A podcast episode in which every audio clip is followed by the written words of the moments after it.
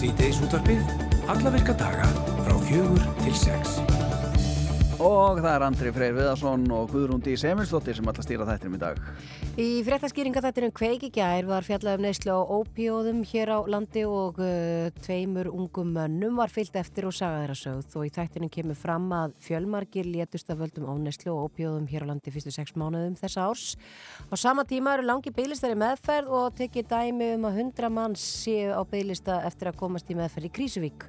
Og við ætlum að ræða við Önnu Hildi Guðmundsdóttur, formann S.A.A. hér á eftir, farið við stöðuna með henni og spyrja hana út í hvaða úrræði sé í bóði fyrir þennan hóp fólks. Já. Sigurður Sigursson og Hildur Halldórsdóttir eru sérfræðingar hjá heimili og skóla og þau ætla að koma til okkur og eftir og uh, segja okkur frá farsældar sáttmálunum sem er partur að viðamera verkinni sem að uh, ég hef verið gangi frá upp á ás og það snýrað endurreysn fóraldrastars í þá farsældar barna. Meirum það á eftir. Eh, FKA sem að stendur fyrir félag hverna í atvinnlífinu eh, FKA Suðunis er að halda landsbyggða ráðstefnu FKA í Reykjanesbæ næstkomandi förstu dag og yfirskiptir ástefnunar er í krafti hvenna Þar er markmiðið að fanga þá orku og eljusemi sem að konur á Suðunessum og landsbyðinni búa yfir og sína það í, í þáttöku á þróun samfélagsins sem að þær búa í og þeim verkefnu sem að þær taka sér fyrir hendur. Og Fita Abu Lípte, forstjóri Geosilika, hún veit allt um þetta mál og ætlar að segja okkur frá hérna á eftir. Já.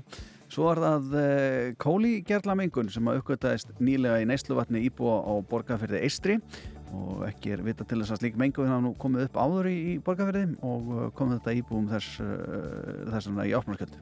Nú við ætlum að setja okkur samband við Aðalstein Þórólfsson, hann er frangandistjóður í HEF veitna og hann er heldur betur búin að vera með lúkundar í þessu. Þetta er allt um þetta. Já, bara með lúkundar í þessu. Já, ég minna að veist, það er svona kom myndi í hausina með sko hann að skrúa fyrir vatn og síni og svona Já.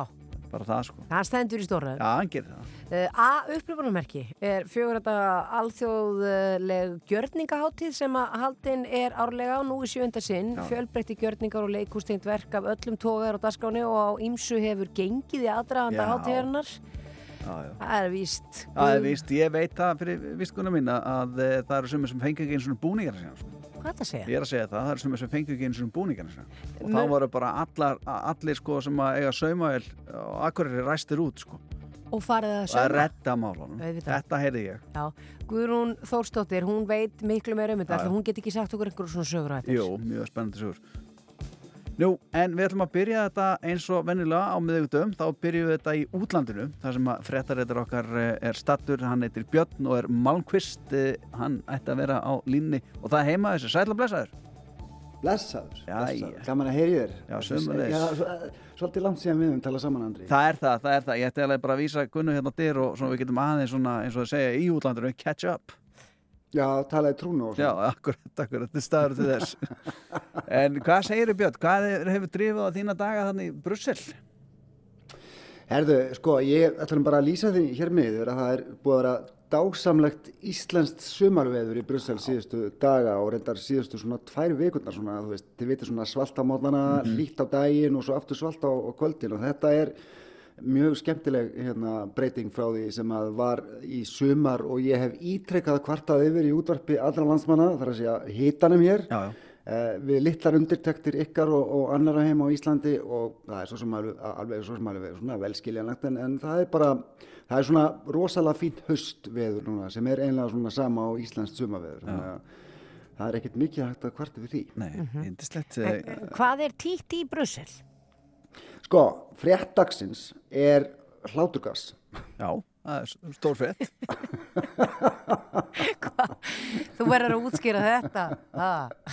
Já, þetta er, þetta er nú einlega bæði svona, já, þetta er kannski svona, hefur, þetta er kannski ekki spauðilegt en sko samt ekki að því að, að það hefur komið í ljósa sagt, að neysla, ef, ef að segja neysla eða, eða hérna, eh, sagt, það að fólk noti hláturgas til að komast í vímu er, virðist vera bara stigvaksandi vandamál hér í Brussel og, og það er að finnast hérna út um allt svona þessi litlu hilki sem að maður, sem kannski kannast við maður, sem maður notar í, hvað heitir þetta, rjómarsbrautur eða ekki? Jú, jú.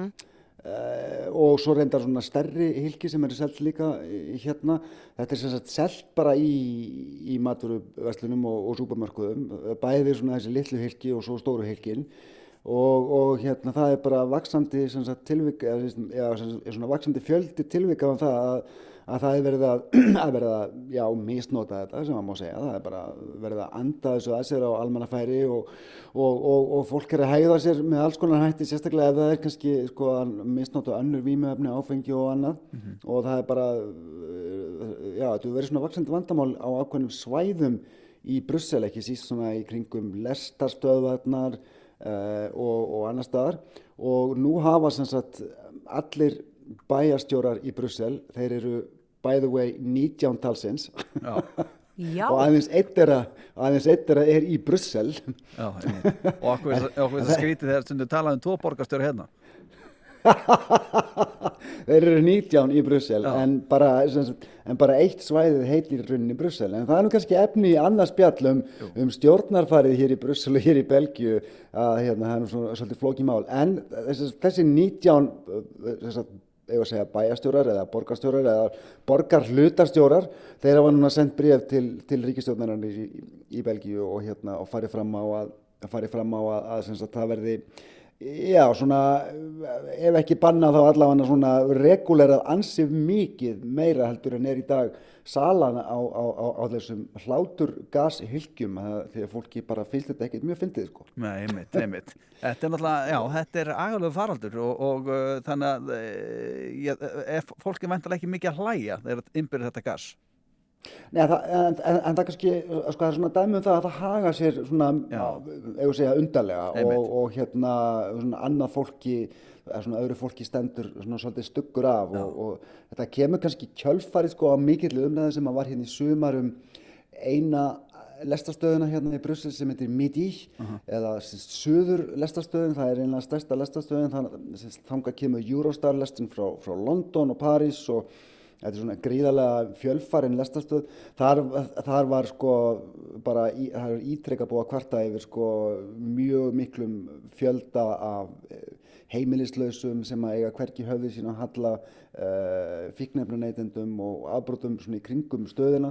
Uh, þannig að fólki var svona eiginlega ekki farið að standa á sama um að, um, að ferðast eh, sagt, til og frá þessari stöðvar og, og hérna ég minna eins og móttakan sem að ef þú kemur, ef þú kemur í rauninni sko veist frá öðrum löndum til Brussel þá, þá kemur þú til Midi og, og, og, og móttakan þar svona var kannski ekki alveg svona svo sem að Brussel búar vildu vildu sína uh, gestum, uh, sérst, gestum höfuborgarinnar.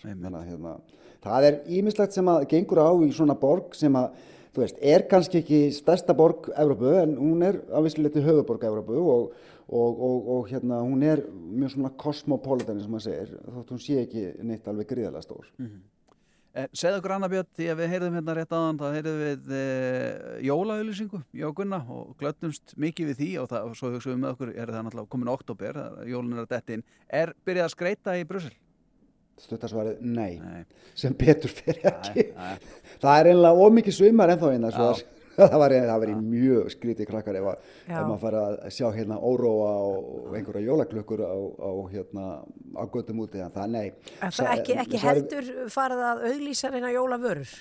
Nei, ég hef ekki tekið eftir því. Við erum, Ekki erum, við eitthvað, eða- erum við eitthvað biluð? eða Nei, hvað, af það er hverju, bara eitthvað, þetta er bara fílubúkarannir nei, við erum, að, Já, við erum kannski allt og snemmi eh, Nei, nei. Belgar eru náttúrulega annalaði fílupúkar, sko, drekk ekki bjór og svona, vil ekki bjór, þú veist, já. bjór vondur Já, og, vilja bara og, skemmtilegt. og þú veist, þú veist, borða bara kjötbólur Já, og, já, vondar. Nei, ég er að djóka núna, Já, sko. Og, ég, og, sko, og við eigum bæði hvað eftir að tala um bjór í Belgíu. Það er efni Já. í alveg sérstakt innslag sem að ég ætla hér með að bóða. Já. Bara ef ekki næstu viku þá kannski þar næstu viku. En, en hérna, ég held, sko, ég er endur á leiðinni að, að tala við skólastjóra Íslandingaskólans í, í, í, í Brussel um helgina og við kannski hérna heyrum eitthvað af því á, á miðvikudagi næsta. Hins vegar, þá að því að við vorum að tala um skreitingar, þá Mm. má líta á sko skreitingarnar, þá má líta á sko frægustu byggingu, uh, eina af frægustu byggingum Brussel sem að er Dómshöllin í Brussel, það er að segja just, uh, Palastis Justice, sem að hefur verið skreitt, ef að svo má segja, með stillönsum í sko áratugi Uh, ég fór á stúuna og ég talaði við vinkonu, sérstaklega vinkonu sítið út af sinns hérna í Brussel, hún, heiti Stella Westman og, og, og hefur farið með, með ferðarfólk Íslandinga í, í leiðangra hér um Brussel og sagt þeim frá ímsum sem að fyrir augumberð síðast var hún að fara með fólk í, í skoðanaferð um, um listasýningu sem að stendur hér út um alla Brussel á verkum eftir eða sérst á, á verkum sem eru innblásin af verkum uh, belgíska listamannsins René Magritte sem er nú kannski svona frægasti. Uh, þið, þið munið eftir að kalla með kúluhattin uh, hérna, og eplið í nefinu. En ég hitti sérst Stellu í morgun fyrir framann dómsöllina í Belgíu og við spjöldluðum aðeins um staðinn þar sem að, að, sem að höllin er og um höllina sjálfa og það er viðgerðir sem að hafa staðið yfir ég held í 40 ár skulum heyra það. Stella, þetta er hús, bygging sem að á sér ansi svona litríka sögu. Ef við byrjum aðeins á sko, staðunum í Brussel sem að þessi bygging stendur á, það er hæð hérna í borginni sem að er með nafn við hæfið, eða ekki? Jú, jú, það er kannski ekkert ástæðalösa að hinga kom svo dómsöllin, en þetta er eins og kallega gálgahæð. Þegar hér voru menn hengtur og hafði til sínis svo borgarar myndi hlýða og fylgja lögum borgarinnar. Þetta er einmitt sko á stað sem að markaði er það ekki svolítið uh, svona munun á milli ríkafólksins og, fátaka, og fátakafólksins í Brussel? Jú, mjög svo. Þetta er eiginlega mjög ábyrrandi munur. Við stöndum hérna á svölunum þar sem við horfum yfir Marollen hverfið sem er þetta gamla yðnaðarmanna uh, hverfið. Þetta er svona hard, kjarn, hard í Brussel og svo akkurat hinnum meginn við svalirnar höfum við fínu húsin, eina dýrastu, göt, dýrastu götuna í Brussel, Avenue Louise, Akkurat. sem heitir eftir prinsessu belga og hún var dóttir Leopolds Annars sem var náttúrulega Kongo uh, konungurinn. Akkurat.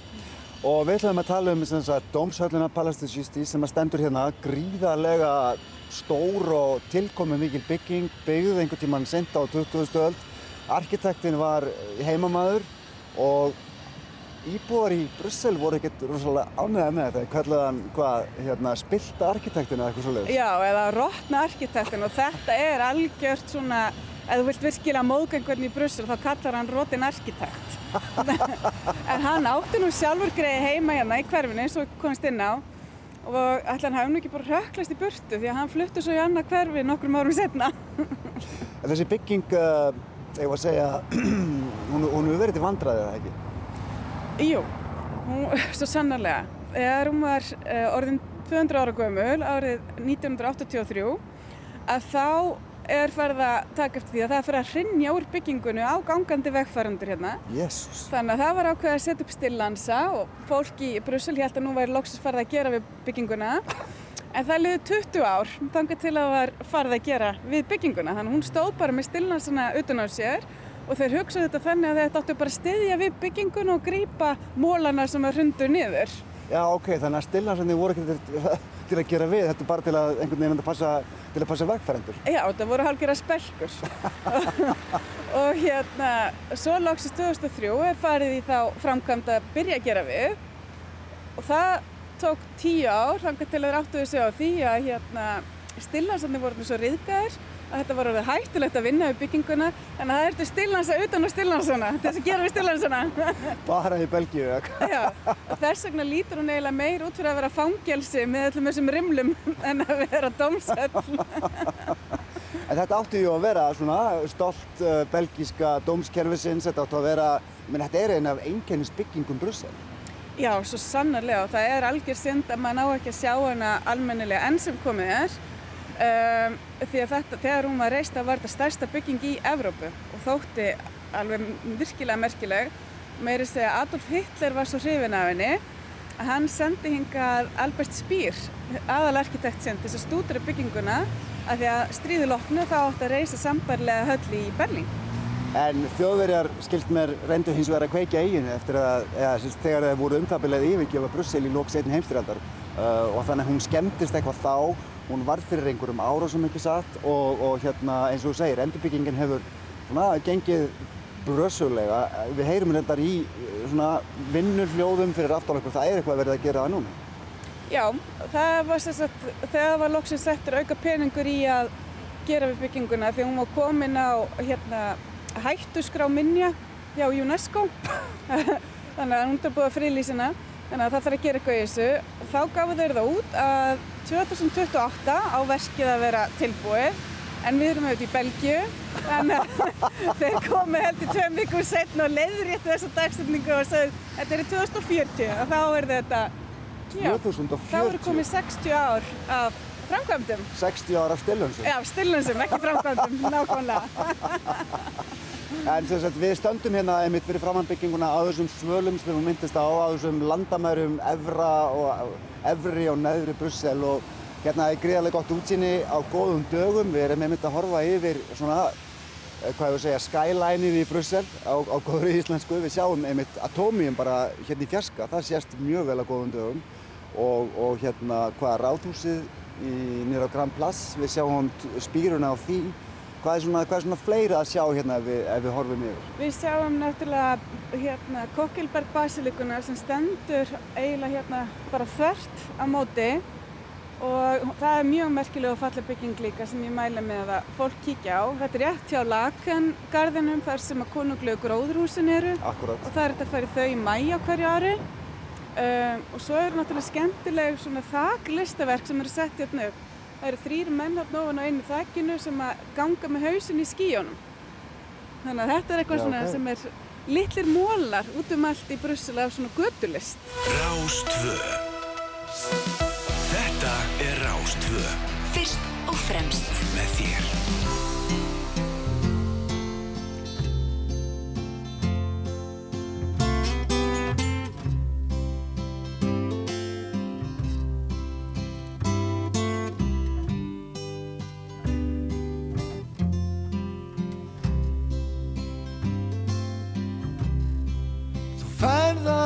að gleyma.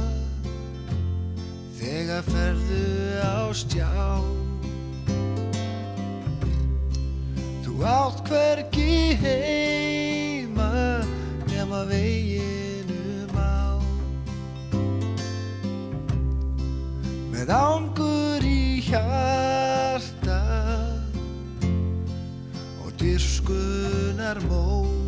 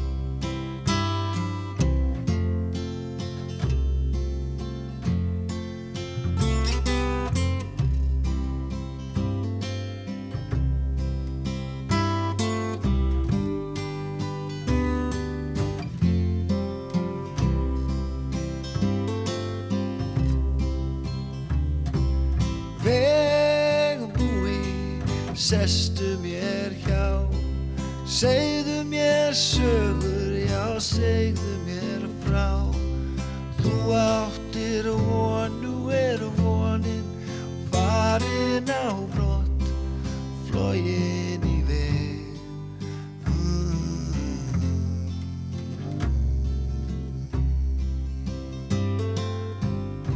Þetta er KK og lægið Vegbúi. Í fréttaskýringa þættinum kveiki gær var fjallað um neyslu á ópjóðum hér á landi og eh, tveimur ungum mönnum var fyllt eftir og saga þeirra sögð. Og í þættinum kemur fram að fjölmargi létust af völdum ofneyslu og ópjóðum hér á landi á fyrstu sex mánuðum þessa árs og á sama tíma eru langi bygglistar í meðferð og það var tekið dæmi þarna um að 100 manns séu á bygglista eftir að komast í meðferð í Krísuvík. Og hún er komin eitthvað til okkar og Anna Hildur Guðmundsdóttir formaður S.A.A. til þess að ræða þessi mál við okkur, kontur sælublessuð. Já, góðan dag, sæl. Það eru margir sleiknir eftir að hafa horta á þennan þátt í gerð. Já, ég er alveg sammálað því. Það, þetta hreyði við manni. Já. Að annað væri óeðlilegt, held ég. Þannig að, já. Og veruleiki í þessara ungu manna, hann er bara hræðilegur. Já, þetta staðan er ekki góð hjá þeim, sko. Og þetta að það séu svona langi bygglistar, það er bara, það hjálpar ekki. Nei. Hvaða úrræði eru í bóði, að því að vanalega tengir fólk meðferð, þá er það kannski áfengis meðferð og, og svo meðferð á, jújú, jú, fíkni efnum líka, mm. en hvaða, hvernig meðferðar úrræði eru í bóði fyrir einstaklingar sem eru með, eru, eru að neyta ópjóða? Uh, S.A.A. hefur verið með meðferð sem að kallast viðhalsmeðferð eða LOF sem, sem er livja meðferð við hérna, ópjóðafík síðan 1999. Um, þetta er meðferð þar sem að einstaklinga fá lif uh, sem kallar Súbosson uh, og núna í dag eru við líka með forðarspröti sem heitir Búvítal þar sem þið fá lif sem sagt til þess að blokkera þessa uh, móttakara sem að oxið eða svona ópjóðarnir festast í í líkamann mm -hmm. þannig að það og svo meðferð náttúrulega hefst ofta tíðum ávogi, þannig að fólk kemur í meðferð og, og kemur inn vegna ópjóða notkunnar og, og er þá afveitrað og, og sett á þessi lif og fer síðan út í e, annarkort á áfram í meðferð hjá okkur upp á vík eða, eða í gangudeilt og, og svo líka fólk fer ekki sagt, heldur síðan heldur ekki áfram heldur fer bara út en fer þá út á þessu lifum Já. Sko 1999 það er ansi margt sem hefur breyst síðan þá og náttúrulega fíklar ópjóða fíklar hafa ég veit ekki hvað, hvað tölum maður að nota sko en ég ætla bara að segja hundrafaldast síðan þá uh, sko er sko þessi, þetta úrræði fyrir þann hóp hefur það verið að þróast með tímanum eða er ekkit rúm til þess? Sko, jú, auðvitað hefur meðferðin verið að þróast uh, til dæmis að hérna hér áður fyrir verða þannig að fólk þurfti engungu alltaf að koma upp á vók og sækja lifin sín. Mm -hmm. Núna getur fólk sem er búið að vera lengi á, á, á því að þetta er lif sem fólk er á lengi. Já. Þetta er ekki eitthvað, þú veist, út bara á því í ár. Veist, þetta er í raun og lífsbjargandi lif þannig að fólk er bara í mörg ára á þessu lifi. Mm -hmm.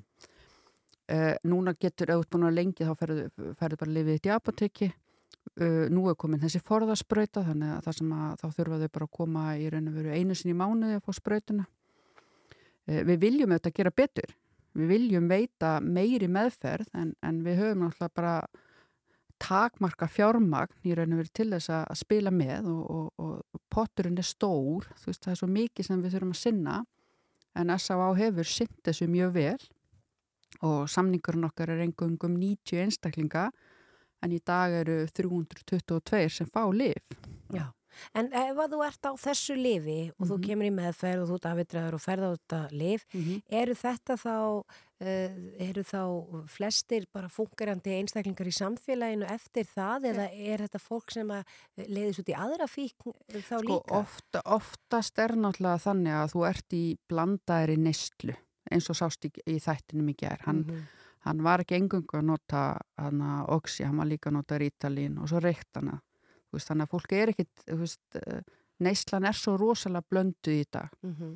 En það sem þetta gerir er að, að hérna, þó svo að fólk fari aftur út í neyslu að þá, þá virkar lifið þannig að það blokkerar mótakarana þannig að döðsvellin gerast ekki Já, út af oxíinu. akkurat. Eh, síðan eru þetta fullt af fólki sem að er bara um, sem þú ert að mæta í búðinni sem er á þessum livjum og er edru og er bara að sinna sínu þú veist, og bara búin að snúa við sínu lífi. Og er rauninni bara að lifa með þessum fíknisútum. Já, af því að þetta fíksjúkdómurinn er náttúrulega langvinni sjúkdómur, þetta er ekkert sjúkdómur sem fer, maður þarf að sinna honum alveg svo þegar maður er með margar aðra langvinna sjúkdóma, þú ert að hugsa um hann til þess að þú farir ekki í bakslag Mhm. og þetta er bara hluti af því. Já. Og þessi lif, standa þau þá öllum til bóða sem að, að, því, að því, við heyrðum tölur hérna í gær, það var Mhm. sagt að það veru hundra manns á bygglista inn á Krísuvík. Mm -hmm. Uh, inn á Krísuvík ferðu vantarlega eftir út búin að fara á vóg. Nei, nei, já, já einhverju sem að fara á Krísuvík hafa þá komið í meðferð, í afeitrun á vók til okkar og fara síðan í langvarandi meðferð á Krísuvík. Já. Eh, þú getur líka að ferja í langvarandi meðferð hjá okkur, ferð sem sagt á, á vók og svo fer á vík og svo í, í stuðningi í göngudeild. Mm -hmm. Eh, hlaðgerðarkot er líka meðferðarúræði sem að fólk er að fara í. Um, en þú þart alltaf að byrja á meðferðinni inn á einhverju stopnin. Annarkvort þá hjá okkur eða, eða inn á landspítalanum og svo hafa þeir verið að- að byrja þessa meðferð líka í fangilsunum í gerna geðhelsuteimi hérna helsugjæslunar í fangilsinu. Já, þannig að það er þá líkil atriði að komast í einhvers slags meðferð til að þá fá upp á skrifu þessi lif. Já, En er ekki forsenda þá fyrir því að jafnvel fleiri fái þessi lif upp á skrifuð? En, en fyrsta skrifuð verður alltaf þá að vera Já, farið en með- sko það allir sem koma inn til okkar til dæmis fa, og eru með ópjóðafín, fá þessi lif. Af því að við getum ekki í raun og veru útskrifa fólk út frá okkur vitandi það að það fer, þú veist, að fer aftur í neyslu Mhm. og við höfum ekki gefið þeim þetta lif. Nei, þannig að það fá allir Að sjálfkrafa fá lifið. allir þetta lif og, og, og, og, raun og veru aðgengi að þessu lifi er mjög gott á Íslandi. Já. Þú veist, miklu, miklu betur heldur en nákvæmlega löndunum okkar. Já. Þið talið um lífsbjargandi meðferð. þetta er það sem að bara heldur fólki á lífi Já. varnar því að það í raun og veru óvidósi og, og hérna Mhm. og allt það sem gerist við það að lifi sagt, að viðtakinn fara á, á fullt Já. Sko, við hefum mjög oft heyrt og þetta er náttúrulega bara staðrind málsins að sko, stopnarnir eins og S.A.A. og meðferðar úrræði og annað slíkt, þetta er mjög, mjög fjársvelta reyningar. Já. Eh, Ef að sko, fjármagni veri endalust og þú mætti bara teikna þetta upp á nýtt og hugsa eitthvað svona fyrir ópjóðafíkla og hvernig væri best að hugsa með þetta fólk, hvað myndir þú gera? Uh, ég myndi bjóða upp á meiri meðferð, bara sálfélagslega meðferð, með. Uh, ég myndi hafa lengri úræði að því að þegar þú ert búin að vera lengi í neyslu, þá þarftu rosalega góðan tíma til þess að ná þér tilbaka. Mm -hmm. Veist, það er ekki það bara að fólk fari í tíu dag á vók og fjóraða vikur á vík eða þrjámáni á, á krísuvík eða hlaðgerakot, að allt er komið í lag. Mhm. Það er svo langt frá því, þannig að það er svo mikilvægt að þú fáir stuðning frá fagfólki til þess að vinna í þínu málum og bara til þess að aðlagast samfélaginu upp á nýtt. Og það tekur bara tíma. Og, og það vantar í raun og veru þessa samfellu svolítið á kerfið alls saman. Við bjóðum þetta upp á ákveðna samfellu. En svo, þú veist, þegar að fólk er búið til dæmis að vera hjá okkur í, í mjög löngu úrraði eins og þú ert á vini í búsetúrraði að þá þá vantar, þú veist, hvert átt að fara eftir það þú veist, bara að fara í sjálfstæða búsettu eða kemstu inn kannski hjá Reykjavíkuborg um, í félagslega bústæði að því að staða þessa fólks er náttúrulega mjög slæm eins og sást bara í gær Mhm. og, hérna, og þú þarf tíma til þess að byggja þau upp, bara komast aftur út á vinnumarkaðinn uh, og, og byrja svona að láta til þín taka. Mhm. En erum við að standa okkur nógu vel í því að því að eins og við sáum í gær, þarna var ungu maður bara í neyslu Mm -hmm. að sprauta sig í bílastæðakjöllurum. Þurfum við ekki að gera einhvern veginn og búa þessu fólki betri aðstæður til þess að gera þetta? Erum við að sína þeim nógu mikla virðingu eða er bara verið Nei. að jaðarsetja þau algjörlega? Já, ég held að við sem ennþá meira að geða setja og þessi neyslurými sem komu voru af hennu góða og það þarf bara að festa þau í sessi að því við þurfum að geta búið upp á margvíslega úrræði. Þú veist að því er ekki, þú veist, eitthvað bara eitt, þú veist að þarf þessa samfélag og það þarf margt að því það er svo mismöndi hvað fólk þarf. Mhm. og það er ekki eitthvað sem að myndi henda þér hendar ekki endilega andra skiliri. Þannig að við þurfum að finna út hvað, veist, hvað vill fólk gera. Sumir vilja svo sannlega hætti neyslu og ná bara bata. Síðan er líka til fólk sem að vill kannski bara vera í neyslu að einhverju leiti veist, en það þarf að finna leiðina hvað þartu Mhm. og, það, og, og, og þegar við erum að eiga við fólk þá er það ekki einfalt Þú veist, við þurfum að líka að hlusta á þeirra hvað vilja þau Og nú var þessi þáttur síndur í gær og uh, margi mjög slegnir eftir að hafa Mhm. hort á hann. Uh, þetta er ekkert í fyrsta sinn sem við erum að tala um þennan ópjóða farald og, og einmitt við heyrum af ungu fólki sem að, að lætu lífið Mhm. uh, út af þessu. Uh, er ekki hægt við því að, að nú verði fjallað um þetta í einhver tíma og uh, talað um að gera eitthvað en svo bara gerist ekki neitt?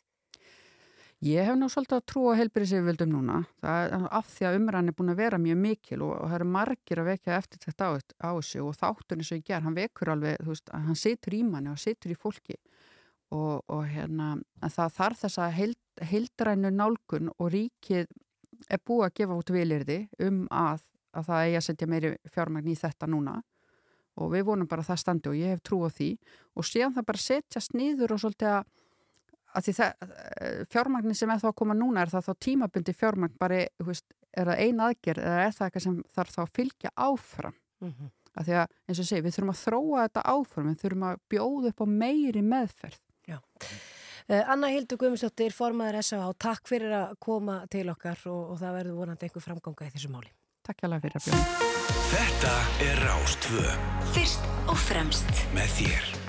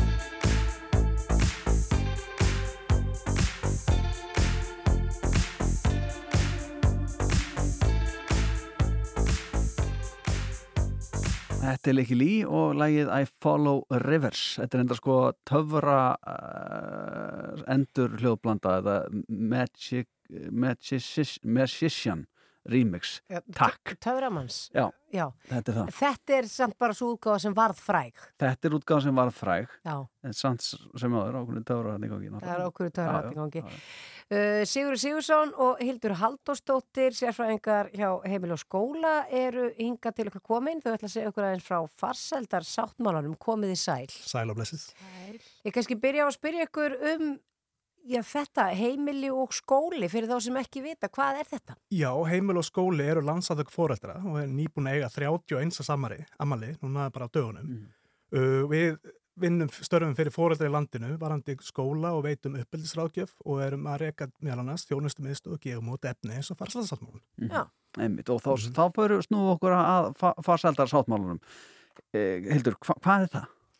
Farsaldarsáttmálinn er verkfæri fyrir fóreldra til þess að koma saman og, og ræða saman málinn og, og leggja niður línutnar um hvernig við viljum hafa samfélagi kringum bötun okkar. Algjörlega og við gáum hann út formlega í gær og við afhendum ásmundi einar í dag sem er mentað á barnamálar ráþera Mhm. sam, fyrstu eintökin í gær í, á hátilegri aðtöfn í Rimaskóla og nú er sáttmálinn komin á uh, komin á heimasíðun okkar þar sem hver og einn getur skoða hann en eins og Hildur sagði þá er hann verkværi sem að gefur fóröldur tækifæri til að móta samstarf sína milli, styrkja fóröldarstarfið og ebla hlutverk fóröldra sem líkilega að skapa farsalt samfélag fyrir börnin. Já. Já. Þegar ég og Gunnar heyrum uh, hérna uh, svona fóraldra, þú veist, þá dettur okkur í hug uh, þegar að fóraldrar komur saman í hverfunum í svona úlpum og löpuðum og, og reynir að finna krakka sem voru baka sjóppin að reykja Mhm. og kannski segja, áttu, þetta er nokkið svona, en þetta er annað. Bara, þetta er nátengt. Ok. Það er bara, þú veist, við hefum rannsóknir sína það að þetta svínu virkni og foreldrastarf og allar rannsóknir sína það hversu rosalega mikilvægt það er fyrir líðan, farsæld og bara hva, hvernig börnunum mun fara í lífinu. Já. Já. Að vera svolítið sínileg og, og, og, og gera eitthvað Algjörlega að vera auka. aktíf og vera hluti af ná, námi og lífið barnansinn. Já. Erum við kannski alltaf gjörn á það fóreldrar að bara tuða yfir því sem að betur mætti fara og hafa skoðun á einhverjum hlutum en ekki vinna markvist að því að bara ná þá þeim breytingum fram sem að við viljum? Já, við erum svolítið mi- mikið í því og sérstaklega þegar við erum bara svona sér, sitt í hverju hodninu, sko. Mhm. Þannig að þessi farsaldarsáttmáli er ætlast að vera uh, verkfæri fyrir fóreldra einmitt til þess að geta svolítið lagt fram og sagt, ok, hvernig ætlum við að gera þetta, þetta ætlum við að gera. En uh, farsaldarsáttmáli er eins og sko hluti af miklu starra verkefni sem að gengur undir heitinu endurist fóreldrastarfs á Íslandi. Mhm. Af því að við mynd, fundum það núna í COVID að fóreldarstarf á mörgum stöðum bara dó fólk fórum bara ennþá meira að hugsa um seingarð og ekki að vera í sambandi við, við annað fólk. Þannig að, að það er gríðarlega mikil vinna sem að liggur að baki farsaldarsáttmálunum og við höfum átt í viðtekur samtali bæði fóreldra, skólastjórnendur, sveitafjölu, ráðuneti, unglið á íþróttarhefinguna og, og alla aðila til þess að koma að þessu að þegar við viljum búa til heilbritt samfélag fyrir, fyrir krakkan okkar. Uh, og þetta, í þessu verkefni að þá fórum við meðal annars bara ringin í kringum landið og heldum fundi fyrir yfir 2000 fóreldra og söfnuðum sem sagt tillögum yfir 1000 tillögum fóreldra um bara hvað er að mikilvægasta sem að við sem fóreldrar þurfum bara að tala saman ef þetta ekki verið sitt hverju hotninu bara töðandi hvað er það sem að við þurfum að tala saman og stilla saman strengi og það erum við að gefa út með farsaldasáttmálinum þetta Mhm. kemur út fullt af stöðningsefni með farsaldasáttmálinum þannig að fóreldrar getur svolítið tekið umræðina Já. Algjörlega. og eins og þið sögðu okkur hérna þá er hann aðgengilegur hérna á heimili og skóli.is og ásand fullt af öðru efni Já. en það er að finna hann farsaldar sáttmála Akkurat. En já, fyrir að mér langar að nefna dæmi til dæmis, nú er búið að vera mikil umræð um hegðum foreldra í íþróttum og á Já. hliðalínunni Já. Mhm. og maður sé bara tækifæri þar fyrir til dæmis, segjum bara ef við dregur úr loftinu fymta flokk vals Aka. að foreldrar komi saman og ræði ákveðin ramma um hvernig þau vilja haga sér, þannig að börnunum líður betur út af við sjáum það í þessar umfjöllum að börnunum líður ekki vel Nei. yfir hegðum foreldrar sinna. Þannig að þetta er frábært tækifæri fyrir uh, til dæmis bolta íþróttina til að koma sér saman um og ræða málinn. Ofta hvað... er það náttúrulega ekkit alveg reglurnar sem við setjum sem skipta öllumáli, heldur er það bara sér samræða að við bara tengjum okkur saman og rannsóknir sína það að bara samstíða fóröldarhópur, hvað sem við erum að gera mm -hmm. að hefur mikið forvarna gildi fyrir allan hópin. Akkurat, já. En hvað mér ásmundur einar, Daðarsson gera við þennan uh, sáttmála sem hann uh, fekk aðfendan í gerð? Það er ekki að lesa hann núna bara. Já, hann, hann kom, já, lesa hann og hann kom fallega vel inn rammaður. Já, já, já vonandi fer hann upp á vegg einhver staðar. Akkur, og hann aðraninn og vonandi, veist, hann á nú börn og vonandi mun hann nýtti þetta í sínum Já, já, við líst vel á það. Já, já. en það er sérst að fara inn á heimil og skóli búintur ís til þess að kynna sér þetta og svo bara hvetju við foreldra til þess að tala saman og láta til sín taka og vera fyrirmyndir. Algjörlega. Læsilegt. Takk fyrir þetta. Takk fyrir.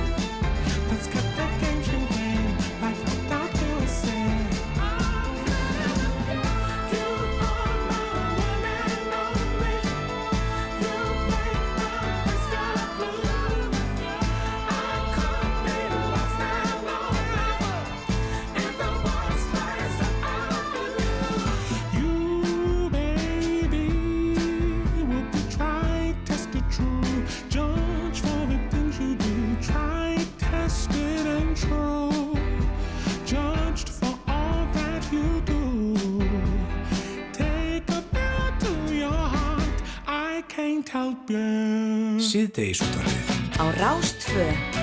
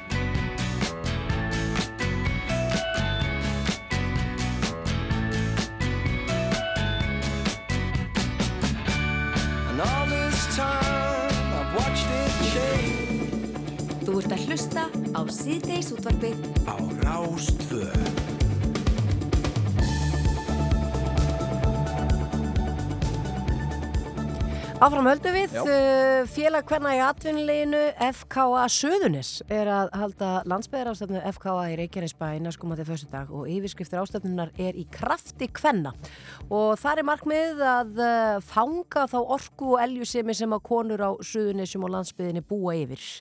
Og við erum komin í, í samband Suðu með sjó, hún heitir Fíta Abu Lípte, forstjóri Geosilika. Hún veit allt um málið og hún er á línni, kontur sæl og blessuð.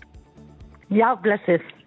Uh, Fíta, svo við byrjum aðeins á, á þér. Þú ert forstjóri og stopnandi geosilika, er það ekki? Já, það passar, það er rétt. Þannig að þú ættir að þekkja aðeins kraftin á uh, Suðunesjum því að þú kemur, uh, hvað, kemur frá Palestínu. Já, ég fættu alveg upp í Palestínu og flutti til Íslands uh, þegar ég var 16 ára. Já, og hvað fær uh, unga konu sem er fætt og uppalinn Pal í Palestínu til þess að stopna fyrirtæki Suðunesjó?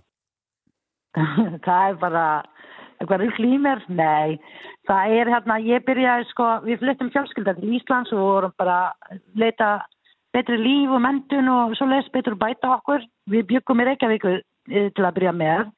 Svo flutti ég til Keflavíkur þegar Keili var stopnað, Háskóla Brú Keilis, fór í námið þar og framhaldið því fór ég orgu umhverfisteknifræði sem var þá samstarfsverkefni Háskóla Íslands og Keili, var kent hér en á vegum Háskóla Íslands. Og í lokaverkefni mitt þá var ég orgu umhverfisteknifræði, þá var ég að skoða möguleika nýtingu á steinefni sem fellur til við framlýslu á rámagni, það er að segja gufu, úr gufu og ákvaða bara að rannsaka þetta í lokaverkefni og eftir útskrift stofna ég Geosilika sem sérhæfir sig í framlýslu á steinefni sem verða til úr ja, affallsvatni frá jarðvarmavirkjanir. Um, sko, þú uh, virðist vera nokkuð kraftmikill einstaklingur fýta, en hvað með uh, já, kynsistuðinar hérna í, í, í Reykjanesinu er, er sami kraftur í þeim og er mesti kraftur í konum á þessu svæðu á landinu? Já, ég myndi segja það sko. Við erum alveg mjög öflugar konur hér. Eins og ég segi, ég bjóð fyrst í Reykjavík og svo flytti ég til Keflavíkur. Og ég myndi segja það, þú veist, hérna fór í gegnum námi, náttúrulega af erlendi uppruna, uh, næstu í mállaus og tingslæðinettanlaus og svona ma- marga svona áskoranir, áskoranir á leginni, en konurnar hérna á Suðurnesjum hafa alltaf svona gefið mig kraft og, og stutt bak við mig og hjálpa mig að ná í mína markmiðum og við stopnum hérna félag hverna atvinnulífi á Suðunni sem fyrir tveim árum. Og það er bara til að halda sér patent, að hjálpa hvort öðru, að styrkja hvort öðru, að gefa hvort öðru krafta. Og því við þurfum ekki kannski einhvern til að gera hlutinnar fyrir okkur en bara að klappa okkur á bakinu og segja að þú ert að gera góða hluti. Mhm. Þannig það er okkar markmið. Já. Hversu, ég meina eins og þetta, þú hlýtur nú að vera bara lifandi dæmi þess eins og þú segir, mállaus uh, kemur þarna og fær síðan þessa uh, flugu í kollin að stopna þetta fyrirtæki og ert með þessa frábæra hugmynd og, og flottu mentun. Það hlýtur að vera mjög mikilvægt að uh, eiga í samtali við uh, konur í svipu, svipari stöðu.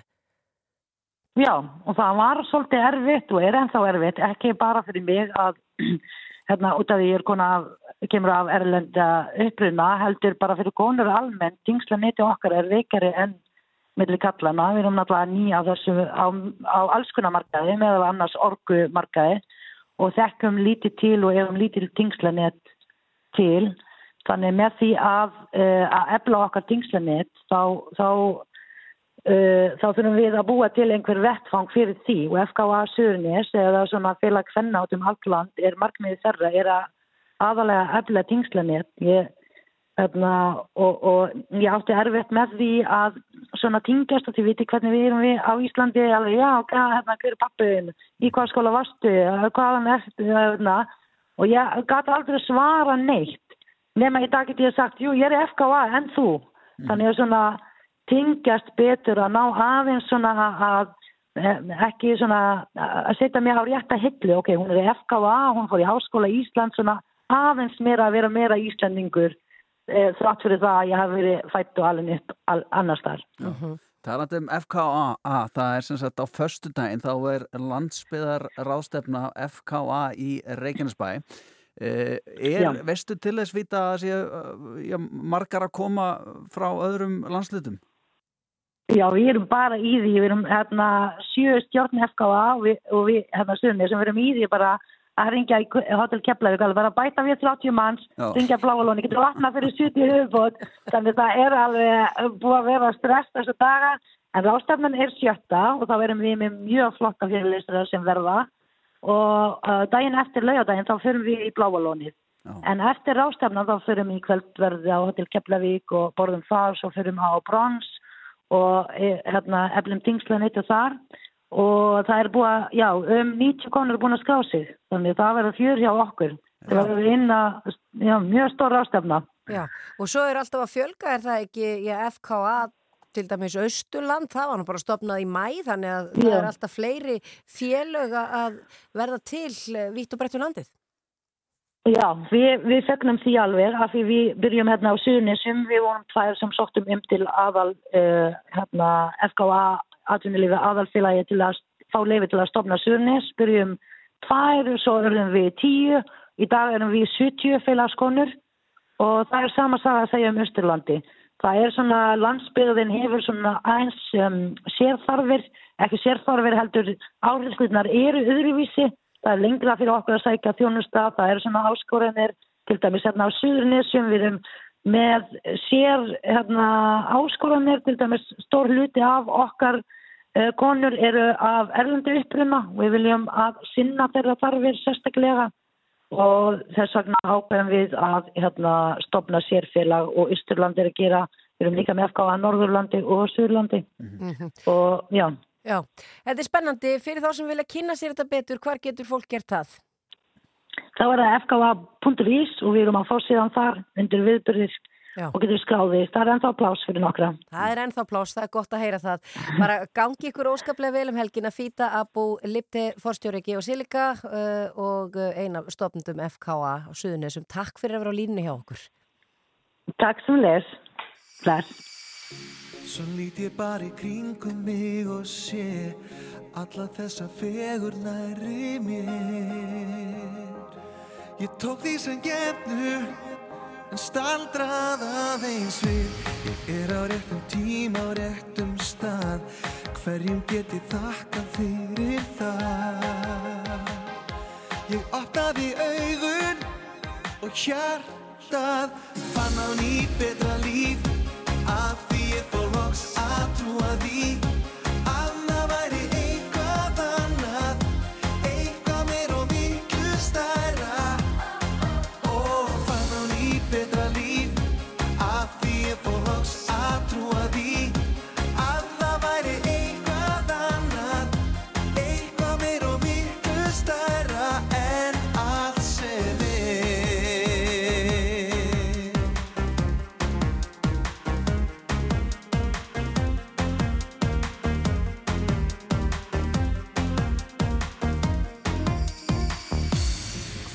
það er stórt eða agnar smátt.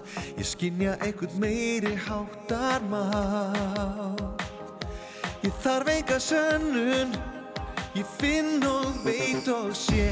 Með allir sinni þekkingu og fjö Aldrei gæti maður skapað tré.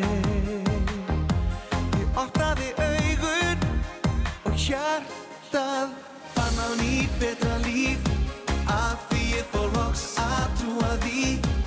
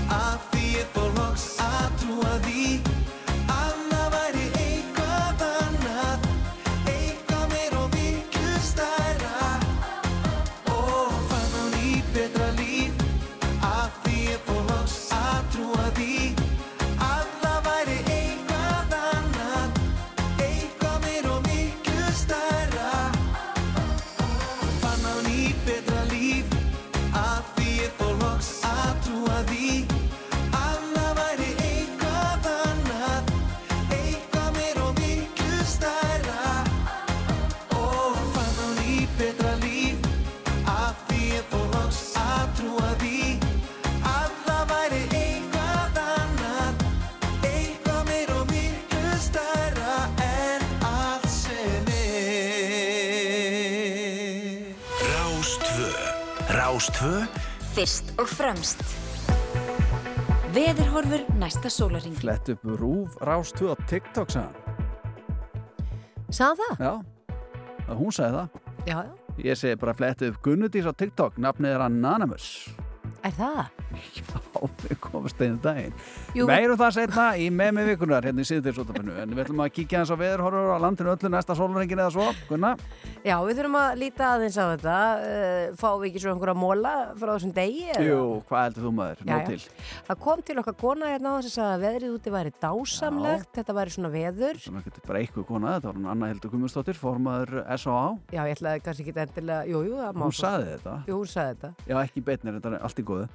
S.A.A. Já. Og það er að vera svo gott veður, þetta er svona veður sem mann langar út í göngutúr Já, og bara vera síðan úti. Það er sjöstega hitti í Reykjavík núna og skíjað, fjórasti hitti í Bólingavík og skíjað, Mm. 60 á Akureyri og skíjað, fjögur stig á Egilstöðum og sól og sjöstega hitti á Kirkjubæðaklustri og skíjað.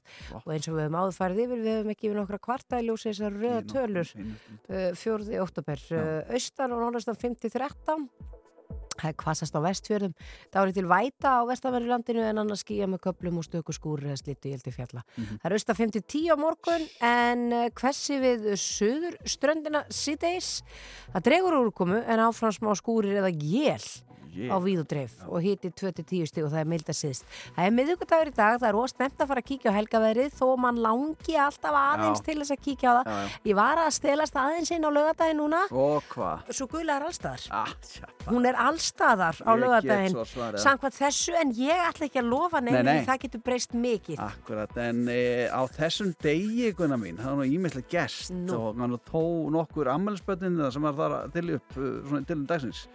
Nú, uh, við skulum bara byrja uh, sko hér. Háskóli Íslands, takk fyrir. Sko, kennsla hófst í Háskóla Íslands í, í fyrsta skipti á þessum degi árið 1911. Það er langt síðan Það er mjög langt síðan. Mhm. uh, Jóhanna Sigurdóttir, uh, fósættisraðar okkar fyrirvændi, hún á ammali dag. No. Fæðist þessum þegar 1942. Svo er það sko fleiri úr pólitíkinni þegar Þorkeru Katrín Gunnarsdóttir, alþingiskona, og hún á ammali dag líka. Fæðist þessum þegar 1965 og ég halda áfram í pólitíkinni. Ekkert mál. Lilja Dögg Alfredsdóttir, hún á líka ammali dag. Fæðist þessum þegar 1973.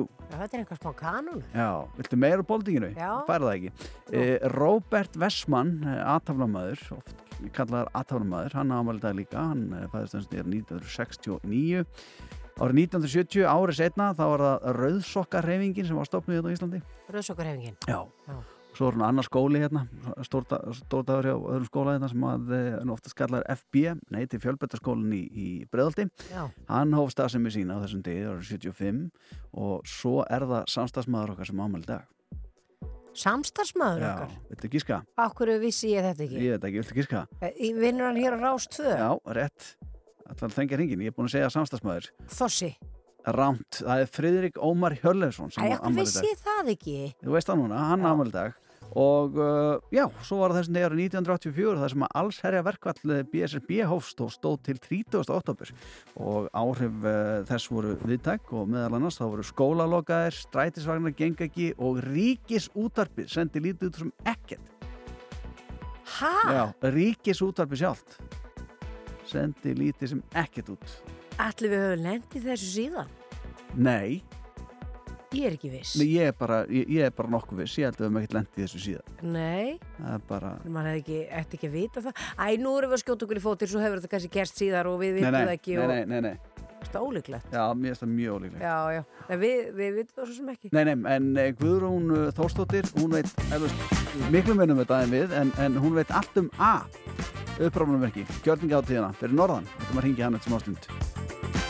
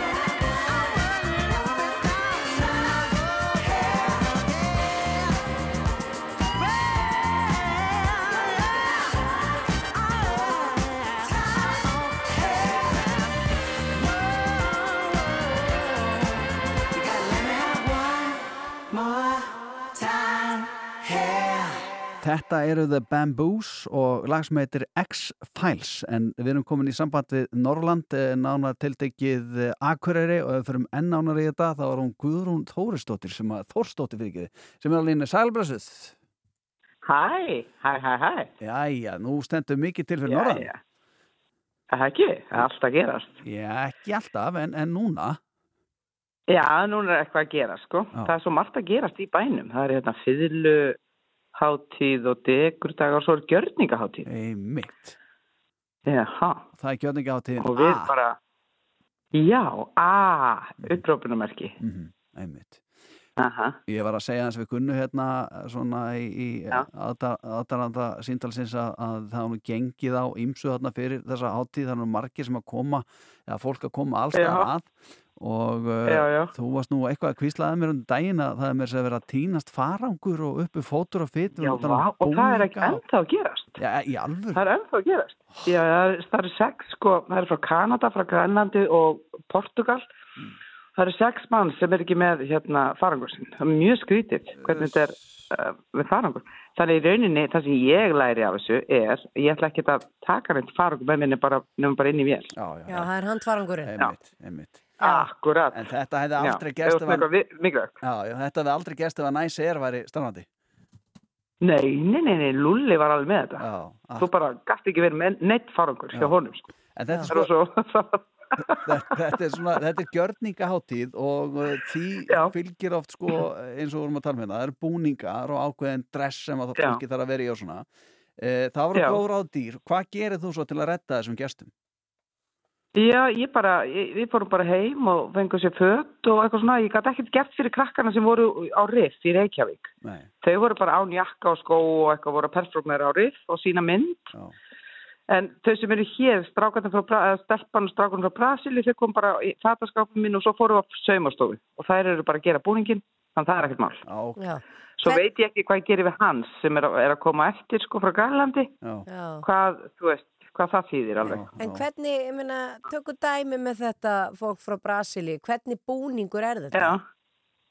Ah, þau eru reyna að koma frá Portugal, þau eru bara frá Brasilíu og Hilda de Paulo, Paula og Thales Frey, hann er líka að opna síningu í listasafninu og, og þau eru sko líka að gera performance og performancein þá eru þau í búning sem er í rauninni eins og konguló. Þau eru rauninni sko, þau eru með líkamanna inn í uh, klæðinu og svo eru uh, átta armar út.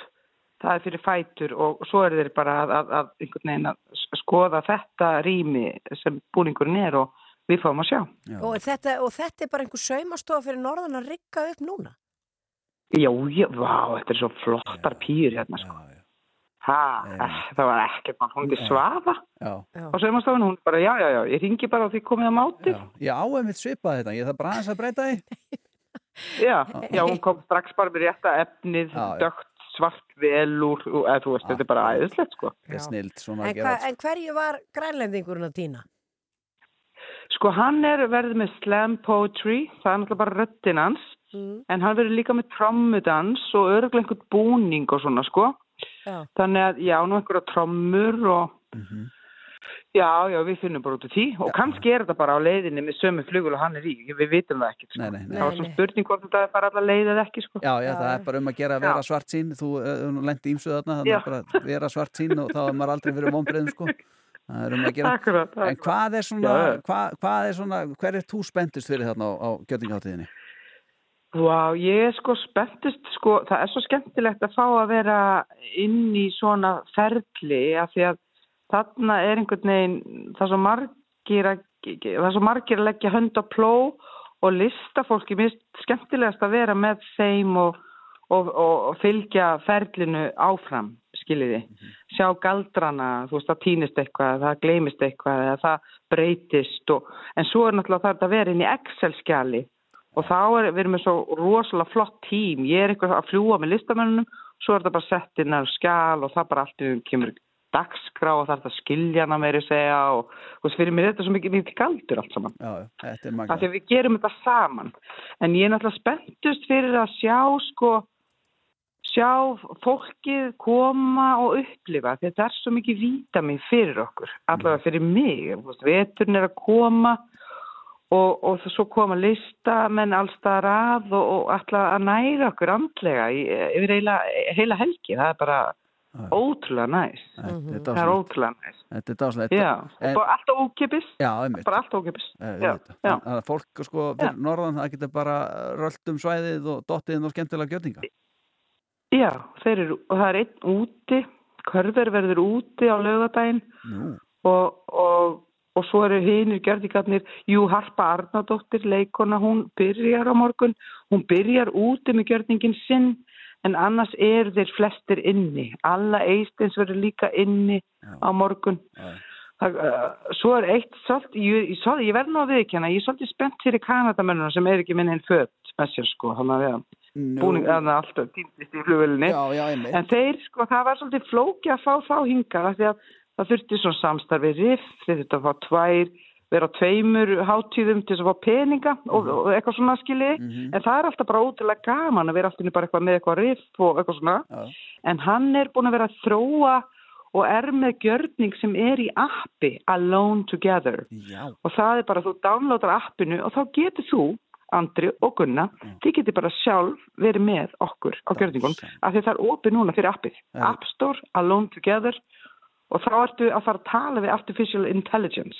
Vá, herra, við erum bara Hann verður mætt. með- Þið er bara mætt. Já. og það, hann verður með fyrirlestur. Háskólinn á Akurey vildi endilega fá hann til þess að bara útskýra hans betur. Fólk er svo hægt við þetta, skilur þetta ekki. En hann er bara búin að búa til app og er ekki trættið við þetta, ætla bara segja okkur frá líka. Já, þetta er meistarlegt. eh, Þannig ég er svolítið spennt fyrir því. Já, ég trúi því, ég trúi því bara vel. Eh, Já. Það verður mikið fjör þetta fyrir norðan og það er hægt að kynna sér dagskrana á netinu, það er bara A upprópunmerki og yes. skrifa svo bara akkurir eða er- gjörningatíð. Já, já, eitthvað svo leist þá, þá, þá finnur Google þetta fyrir þig sko. Já, ég er marg búin að finna þetta sko, er ekkert mál. sko. Er Takk. ekkert- Nei, ekkert mál.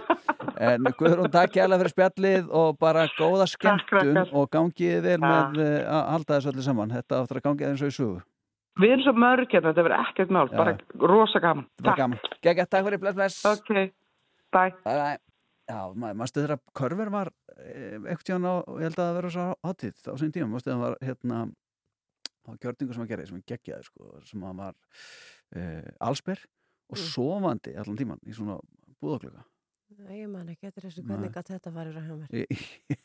En, en skil mál, það er nú alltaf svekkjaldi þegar taskamanns Já, kemur ekki á svæðið þegar maður er að koma úr flugi. segðu En ef að maður var á leiðin á gjörningaháttíð og taskamanns myndi týnast Já. með eh, búningum, Já, tala ekki um ef það er konguló, ég held að maður er alltaf velpyrraður. Nefn að þú væri Körver og væri að fara að gera þennan gjörning aftur og taskaðin týnist, það skiptir engum máli, þú er bara allsber og sofandi. Ég er að hugsa um að byggja um að endur taka þetta því þetta fór einhvern veginn hjá mér. Hver veit, Gunnar minn, hvort að nema þú fá bara ekki þennan gjörning í ammælskjöf þegar það voru 50,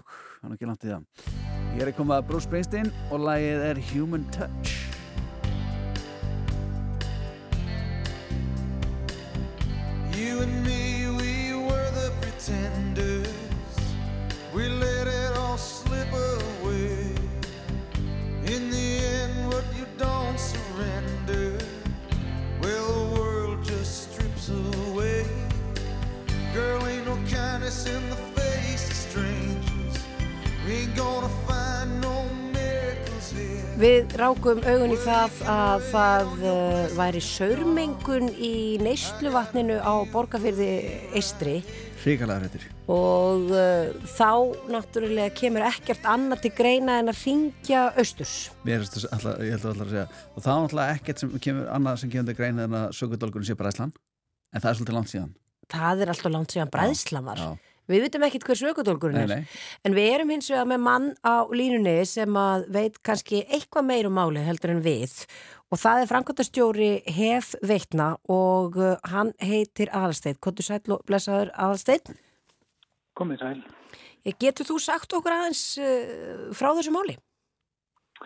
Ég get gert það. Það voru, það var tekið uh, reglulegt síni af heilbyrðseftilitinu í síðustu viku og uh, því miður þá, þá fundust, fannst þar gerla mengun í því síni sem, að, sem ekki hefur orðið vart áður á borgarvegi þessari frábæri vassveitu sem við eigum þar. Um, það er uh, strax á miðstöðulega fyrir sem var á mánudaginn síðastliðin þá, þá fórum við uh, af stað með og, og gera ráðstafanir. Uh, heilbríðseftir fór aftur á borgarfjörð til að taka fleiri síni en okkur vantar ennþá miðurstöður og þeim Já. í miður. Þannig að á meðan þarf uh, örfa uh, notendur að, að sjóða vatn til drikkjar en, en það er talið uh, og metið flestum áhægt til baða ekki kannski allra viðkvæmustu hópum ungbönnum og, og uh, elsta fólkinu okkar. Hvað, þetta er svona reglubundnar mælingar sem áttur sér stað þarna þegar þetta aukvitaðist, en hve, hversu oft eru þessar mælingar og, og er eitthvað hætt á því að þetta hafi verið lengi í vatninu þannig að þetta já, komst upp? Já, það er þetta ákveðin hægt á því. Þetta er ekki, það, það líða allmargir mánuður milli mælingar. Það er svolítið eftir, eftir stærð hverjar veitu, hverjar oft er mælt. Um, en, um, en það er allmargir mánuður og, og uh, það er nú ekki líklegt að, að um, þessi mengun hafi verið uh, ekki líklegt segja. Það, er, það veit náttúrulega enginn almennilega en, en uh, og þetta er það þannig að borgfeyðingar eru mjög hardir af sér og og uh, kvenka sér ekki þó að, þó að einhver smá magakveisa myndi koma upp en, en það, það er ekki sérstan ennum slíku þannig að við erum að binda vonu við það að, að, að þetta sé mögulega vegna e, við gerða sem að þetta að gera þegar að, að lagn bilaði í fyrir í mánuðinum, september alltaf. Mhm, Það talaði um að þetta sé þá uh, mengað saur frá mönnum eða dýrum, mun það einhver tíman eða nokkur tíman koma í ljós? Er þetta að sjá það já, í þessum sínatökum? Nei, nei, það held ég að ég þekki það nú ekki nógu vel en, en það hefast tíma að sé þetta að gera en, en, en, og kannski ekki það sem skiptir máli heldur bara það að við náum að komast fyrir þetta og, og, og vinna á þessum bug. Um, já, eða kemur í ljós að á nýju sínunum að það sé líka sörgerlar í því hvað, hva, veistu, hver, hversu langan tíma tekur að, reynsa þetta allt saman og þannig að borgfringa geta aftur að baða sig og, og uh, fá sér sopa af sínum krana. Já, þeir, þeir geta notabenni flesti baða sig sko. Já, og eiginlega allir. ekki rættana veikustu Nei, ekki því allar slöppist en það er mjög fáið Já, slöppir á bókali. já, Þetta er alltaf mann akkurat, mikil hreistimenni. Akkurat, akkurat. En, en uh, það sem við þurfum að gera uh, sko að fengnum viðstöðum þeim sem að koma út úr á fleiri sínatöku stöðum uh, það er að, og við erum í því núna og akkurat í þessum töluð orðum þá er, þá er menn frá okkur að, að kanna vassbólinn sem er hátt upp í fjallum það Mhm. og, og uh, það er möguleiki að einhver, einhver ofara hefur komist í þau Já. en uh, við vonum það best á og uh, þetta leysist núna bara í á allra næstu dögum. Akkurat, akkurat og við munum væntarlega að fá fregnir af því hvað kemur, hvaða niðurstöðu koma úr þessum sínum. Það er nú aldeilis. Aðarsteit Þóraldsson uh, framkvæmda stjóri HEF takk kjærlega fyrir spjallið og bestu kveður austur Gæða þakkir sömulegis. Bless, bless. Þetta kennir okkur ímislegt Guðnudís uh, þar á meðal það að uh, harðasta fólki á landinu virðist vera í, á borgarfriði og uh, þetta sko e, hvað- E. coli gerlar uh, být ekki á það fólk frekar en eitthvað annað Já, þetta er sant, þetta getur verið stór hættulegt. Eh, ekki eh, fyrir borgarfriðinga Greinilega ekki, allavega það, það hefur engum orðið meint af allavega enn komið er. En, en við munum fylgjast áfram að sjálfsögðu með uh, fréttum af þessu máli. Hvað heldur þú?